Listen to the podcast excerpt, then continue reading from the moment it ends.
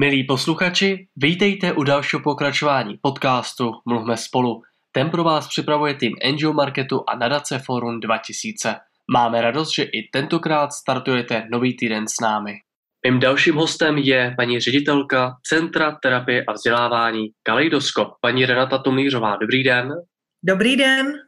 Paní ředitelko, vy jste nezisková organizace, která se zaměřuje na poskytování podpory lidem s dlouhodobým duševním onemocněním konkrétně s poruchou osobnosti. Na svém webu uvádíte, že 6 až 9% populace poruchou osobnosti trpí. Pojďme si v úvodu našeho rozhovoru upřesnit, čeho konkrétně se porucha osobnosti týká.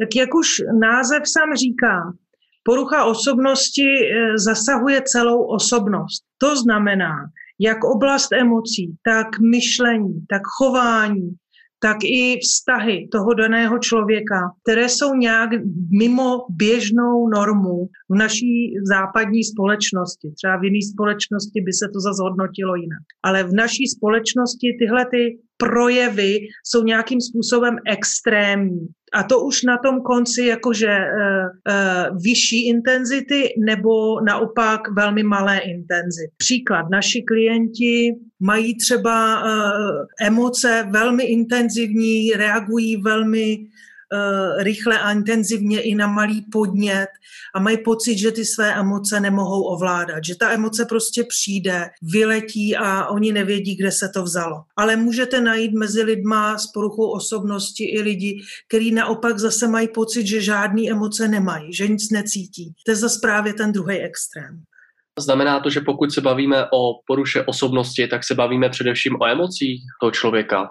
Uh, ne vždy, jsou to právě i další oblasti, i oblasti myšlení třeba, kdy uh, třeba naši klienti velmi často mají jednu z poruch osobnosti, což je emočně nestabilní porucha osobnosti. A tam je třeba typické černobílé myšlení.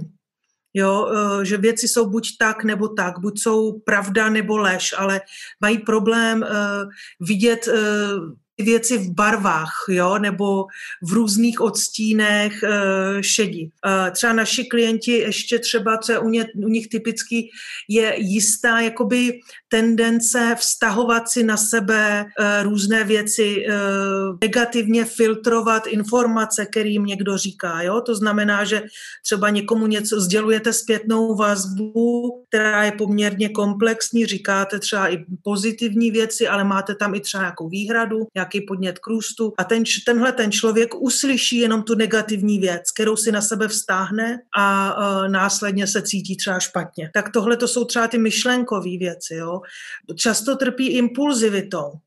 Jo, mají silné emoce nějaký a na základě jich okamžitě jednají. Naši klienti se velmi často sebe poškozují, dělají různé rizikové aktivity. Jo, a samozřejmě mají taky problémy ve vztazích, kdy prostě ty vztahy nemývají dlouhého trvání. Že oni navážou vztah, e, e, obvykle velmi intenzivní, ale ten vztah nemá prostě poměrně záhy, zase končí. Ředitelko, my se bavíme o různých oblastech poruchy uh, osobnosti. Pojďme se dostat trochu dál. Přispívá k prohlubování té problematiky, o které mluvíme, tady poruchy osobnosti i současná situace? No já bych řekla, že určitě. Mm, eh, myslím si, že eh, co není dobré pro lidi s poruchou osobnosti, pro ty lidi třeba, kteří přicházejí k nám, tak je to nějaká izolace, ztráta režimu, Jo, e, současná pandemie vede k tomu, že prostě se zvyšují úzkosti, obavy lidí i běž, v běžné společnosti na tož lidí, kteří třeba mají k úzkostem uh, tendence. Zároveň také uh, lidi mají teďka horší přístup k podpoře, k pomoci, k tomu setkávat se s druhými, třeba hledat i pracovní uplatnění, což prostě vede k tomu, že zůstávají doma a utápí se ve svých problémech takže určitě to zhoršuje. Co ale mi přišlo zajímavé, že plno našich klientů e, řeklo, no tak aspoň vidíte, jak my žijeme pořád. Pro nás se toho tolik nemění, my stejně pořád sedíme doma, s nikým moc nejsme a jsme osamělí. Teď vy to cí, zažíváte to, co my známe jako každodenní chleba. Takže takhle o tom třeba mluví klienti. Jak je pro lidi těžké si uvědomit, že je v úzovkách něco špatně a kdy je třeba například vyhledat tu odbornou a přátelskou pomoc? Já myslím, že to je jak pro koho. Máme eh, zase, jsou lidi třeba zejména s poruchou osobnosti, eh, který právě sice mají problémy a potíže, ať už sami ze sebou, že cítí nějaké utrpení, eh, nebo že žijou tak, že se trápí jejich okolí, tak ty třeba nemusí vnímat, že oni mají problém, ale vnímají ten problém v té společnosti nebo v ostatních. Takoví klienti jsou také. Ale pak je spousta třeba těch, který e, naopak třeba mají pocit, že s něma něco špatně už od dětství. Spousta našich klientů mluví o tom, že už ve škole měli pocit, že jsou jiný, že se cítili jak mimozemšťani, že prostě nepatřej mezi, mezi běžní lidi a ty vědí, že něco není v pořádku. Potíž je v tom, že často se za to stydí a vlastně tu pomoc obvykle vyhledávají, až když vlastně dojde k nějaký velký krizi. Jo? Třeba v našem případě to bývá nějaký pokus o sebevraždu že jsou pak hospitalizovaný v léčebně a až pak teprve vlastně začnou nějakou intenzivnější spolupráci s, nějakýma terapeutama. Dokázali byste z vaší zkušenosti říci, kdy nejčastěji si právě lidé tu poruchu osobnosti dokážou uvědomit, jestli je to ve větším procentu právě v tom už třeba v dětství, anebo naopak až dospělosti, až naráží na více uh, už zodpovědnosti, problémů, Jo, já, já bych řekla, že mm, často tu poruchu osobnosti diagnostikujeme v mladé dospělosti, kdy vlastně ten člověk přechází ze školního prostředí už do nějakého dospělého odpovědného života, kdyby se měl začít do sebe starat, měl by začít pracovat, samostatně fungovat, samostatně bydlet a spousta těch lidí, kteří k nám přicházejí pro pomoc, tenhle ten přechod nezvládne. Eh, takže prostě práci si neudrží, začnou se schovávat doma, nejsou schopní vyletět z hnízda, nějak se aktivně zapojit do života. Takže tenhle, tamhle to, tady v tomhle období myslím, že to bývá velmi časté. Ptám se, proč je stále téma duševního zdraví ve společnosti celkem ožhavé až dokonce okrajové? Já bych řekla, že proto, že eh, stále mm, duševní onemocnění je stigmatizované, máme vůči tomu hodně předsudků. Eh, mnoho lidí se bojí veřejně přiznat, že má duševní onemocnění, protože by to mohlo být vnímáno jako slabost. Takže v podstatě, jo, že, že někdo si řekne, že jsou blázni. Prostě spousta lidí, který má duševní onemocnění, to udržuje pouze v tom nejbližším kruhu a tím pádem se nedostávají ty příběhy těch úspěšných lidí, kteří normálně žijou i přesto, že mají nějaký duševní obtíže. Myslím si, že ta situace se mění, že eh, k lepšímu, že je víc a víc lidí, kteří o tomto tématu mluví, ale stále máme co dohánět. Pokud se rozhodnu nejprve pracovat sám se sebou, tedy bez terapeutů, jaké jsou ty první kroky, abych udělal něco pro své duševní zdraví? Co eh, si myslím, že je důležité asi pro každého, tak i lidi pro s duševním onemocněním jakýmkoliv a konkrétně u, poru, lidí s poruchou osobnosti velmi, tak je to zůstat aktivní, nevztaho, nestahovat se eh, někde do nějaký nory, do svého pokoja, nevylézat, ale opravdu eh, starat se o své nějaké jako i tělesné zdraví, pohybovat se, spát, uh, jo, být na čerstvém vzduchu, stravovat se přiměřeně. Další část pro mě jsou přátelé, udržovat kontakty s druhými lidmi. A další díl, který mi přijde velmi důležitý, je uh, dělat nějakou smysluplnou činnost. Pro někoho je to práce, pro někoho je to dobrovolničení, Eh, pro někoho je to psaní autobiografie, ale něco, co mi ten den naplní a dává mi smysl. Tak tohle jsou věci, které já považuji za takový jako pilíře toho, abych vůbec mohl v tom světě dlouhodobě fungovat. Uh, jinak, jinak začne, když cokoliv z těchto věcí chybí, tak ten člověk strádá. No a pokud nechcete využít pomoc eh, profesionální, už, už začínají i své pomocné eh, skupiny, aktivity, tak určitě bych doporučila propojit se s lidmi, který ten podobný potíž nějak jako zažili, znají zevnitř a mohou sdílet zkušenost eh, a, a nabídnout podporu. Já jsem se také dočetl, že zároveň vy vlastně pomáháte těm lidem, mluvili jsme o tom zvládat, ty nároky každodenního života tedy například zvládat krize a podobně. Co podle vás právě ten každodenní život přináší za největší výzvy? No pro naše klienty, který mají e, potíže v oblasti poruchy osobnosti, to je takový stabilní fungování i přesto, že mi ty emoce lítají ode zdi ke zdi. Zvládnout jít do práce, i když se cítím pod psa. E, I když najednou mi přijde myšlenka, že nic nemá smysl a že to je všechno jedno. Přesto vstát a dostat jakoby svý, tomu režimu toho dne a těm požadavkům toho dne, eh, nenechat si to všechno zbořit. Tak to mně přijde jako taková, takový to stabilní, eh, víceméně spolehlivý fungování. Další mi přijde řešit problémy a aktivně řešit problémy, které se vyskytnou. Když přijde nějaká překážka, přijde mi doporučený dopis, že dlužím na pojišťovně, aktivně se postavit k tomu, začít to řešit. Naši klienti mají často potíže tomu, že když přijde potíž, tak zase se tak vyděsí, nevědí si s tím rady a začnou se vyhýbat. A ty problémy se pak kumulují už do, do výšin, kdy by to potom jako, kdyby se z toho hroutil každý. Takže průběžně řešit potíže, který prostě život nám všem prostě staví do cesty. Jasně, zeptám se, jak dlouho může trvat tento proces. Možná to znáte tedy určitě i z praxe. Eh, to znamená, pokud hmm. k vám klient přijde, tak eh, v jakém časovém horizontu se podaří, eh, aby se ten daný klient vlastně v tomto osamostatnil? Kdy už dojdete do bodu, že vás vlastně nepotřebuje? U, u lidí s poruchou osobnosti je to na dlouhou, běh na dlouhou tráť. Vlastně porucha osobnosti není něco, co, co jednoho dne propuklo, ale to je porucha, která se rozvíjí léta.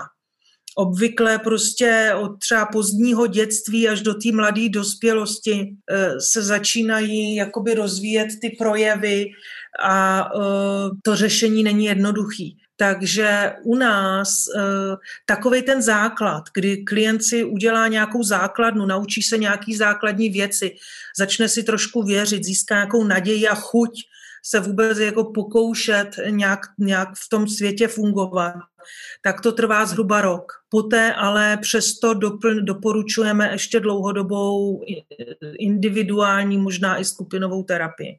My jsme zmínili tu vaši praxi. Pojďme se podívat na nějaký konkrétní příklad. Eh, tedy, jestli si, paní ředitelko, vybavíte, komu jste například takhle pomohli a jestli si můžeme představit, v jaké situaci ten člověk byl a kam se například v průběhu toho roku posunul. Tak my máme eh, různou klientelu. Máme ambulantní programy, kam chodí eh, lidi, kteří i pracují třeba a v tom světě nějak fungují, jenom, eh, jenom, to je špatný slovo, ale zažívají toho utrpení, a chtějí pracovat na tom, aby ten jejich život měl lepší kvalitu. Ale pak máme i pobytovou službu, kde eh, chodí víc klienti, kteří třeba už pobývali po léčebnách i několika měsíců. Vlastně tam potom třeba jsme měli klientku, která měla za sebou 31 hospitalizací za posledních 10 let v psychiatrické léčebně.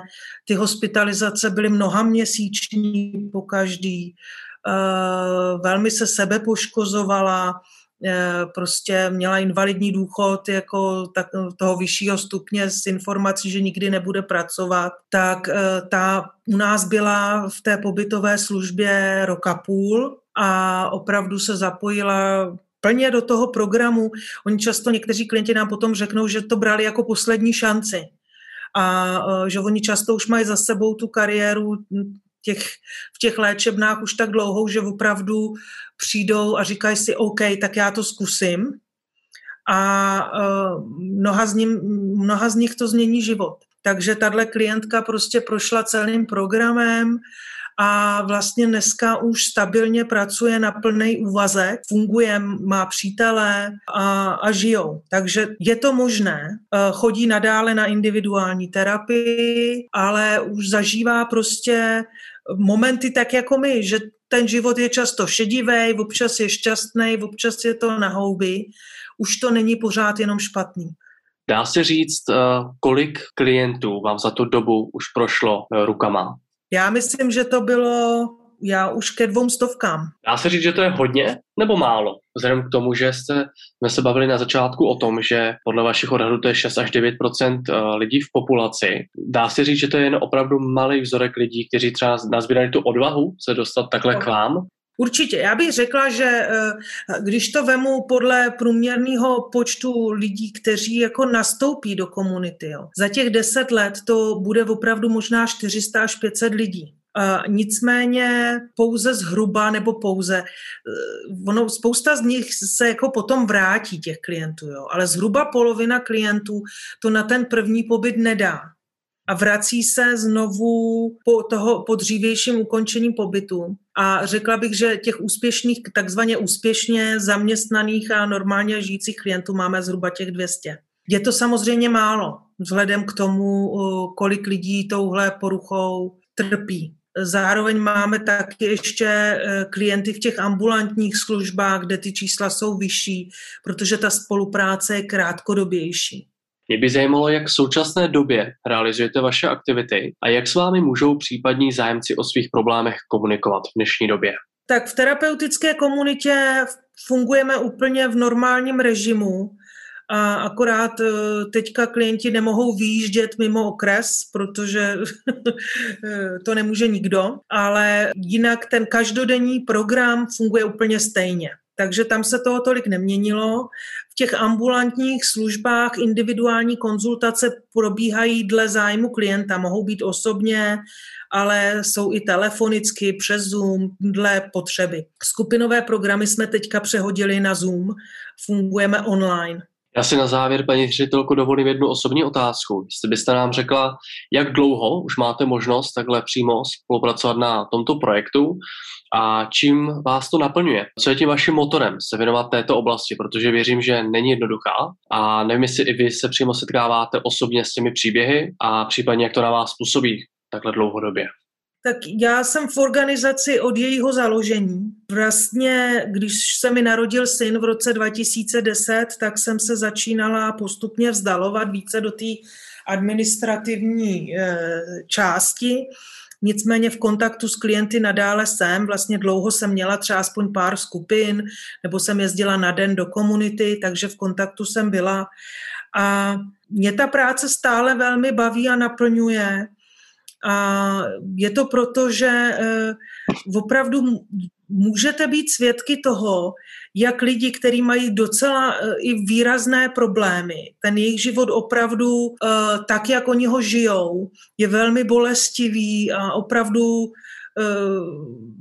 je srozumitelné, že těm lidem se na tom světě nechce být. A dokážete, můžete u nás vidět, tu transformaci během toho roku, někdy roku a půl, kdy ten klient vlastně přichází a mluví o tom, že se má docela rád, eh, že, že vlastně má nějaký jako eh, sny do budoucna a vidíte, jak se jako ty lidi rozsvítějí. A pro mě jako svědkem téhleté proměny a naděje a vidět, že, že tyhle lidi jdou potom do světa a můžou žít úplně běžný život, tak jako my ostatní, tak eh, to je prostě krásný.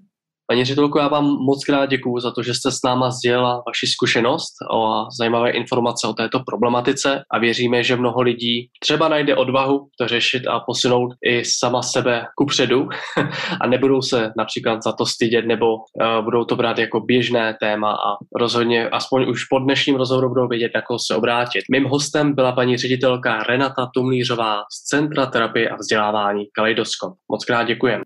Děkuji za pozvání příštím podcastu bude mým hostem paní ředitelka obecně prospěšné společnosti Pestrá, paní Jana Sirotková. Rozhovor najdete na Spotify Mluvme spolu a na YouTube a webu NGO Marketu. Tak se mějte hezky a zase za týden naslyšenou.